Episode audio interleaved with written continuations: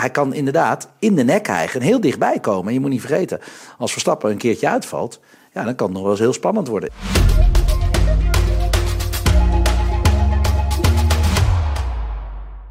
Ja, uh, wel Perez en Verstappen vooraan. Je zegt uh, Perez die heeft wat meer zelfvertrouwen nu.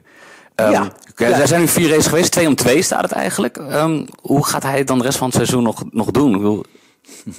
ja, Perez heeft natuurlijk het mooiste voorbeeld aan Verstappen naast zich. Je, kan het niet beter treffen dan dat. Want je kan direct afkijken waar is hij sterker dan ik? Uh, waar is hij sneller dan ik? Uh, waar is hij constanter dan ik? Ja, en als je daarop gaat focussen, ja, dan kan je zelf daar natuurlijk naartoe groeien. En dat, dat zie ik Perez wel, uh, wel momenteel ja, beter doen dan hij in de voorgaande jaren uiteindelijk gedaan heeft. Want ja, weet je, dat was af en toe even, huh, huh, waar komt dit nou in één keer vandaan van Verstappen? Ja, en dan ga je het analyseren. Dus de volgende keer is dat natuurlijk minder. Um, dus dat werkt heel goed. En ja, dat is het systeem waar ik denk dat Perez heel erg in gegroeid is. De auto uh, valt uh, net ook eventjes wat, uh, wat beter zijn kant op. niet minder bij Max, maar gewoon wel net eventjes wat meer. Ook richting de kant van Perez zelf. En je moet natuurlijk niet vergeten, ik bedoel, hij proeft natuurlijk wel dat hij, dat hij heel dichtbij is. Hè? Hij, hij, hij, proeft een kansje. Ja, dan, moet je er ook voor gaan. En dat doet hij wel. de ervaring heeft hij. Uh, hij weet wat Formule 1 in het. Hij weet hoe de weekenden eruit ziet. Hij weet dat hij naast de, de, two-time world champion zit.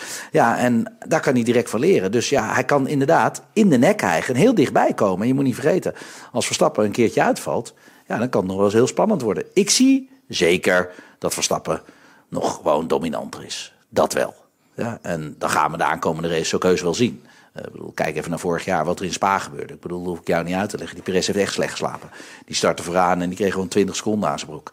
Ja, dat, dat zijn natuurlijk wel de big ball circuits. Um, ja, dus uh, ik ben benieuwd hoe dichtbij die dit jaar zal komen. Maar dat verschil, dat kan je niet in één jaar goed maken. Ja, over dat slechte slapen gesproken. We hebben ook een uh, journalist in, in, Mexico zitten. Die volgt de Mexicaanse media. Ik weet niet of je dat hebt meegekregen. Ja. De Mexi Mexicaanse media die zegt...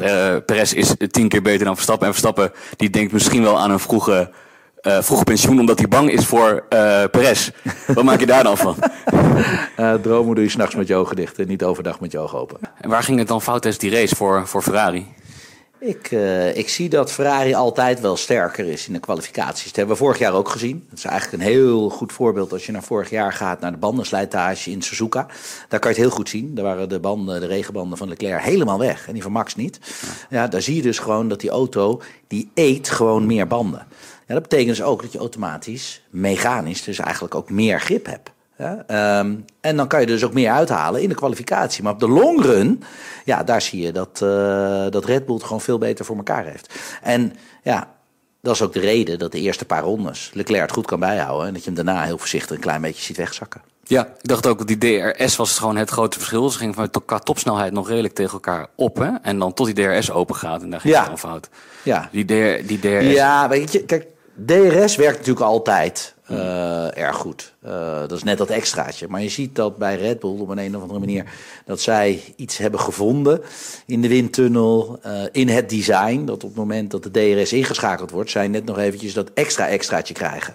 Ja, daar, als zij het kunnen, kan de concurrentie natuurlijk ook. Dus weet je, dit is nou typisch Formule 1. Je hebt zoiets, een aantal races voor jezelf. En dan in één keer, pop, dan valt het kwartje bij de conculega's. Ja, en dan, dan is je voordeel weg.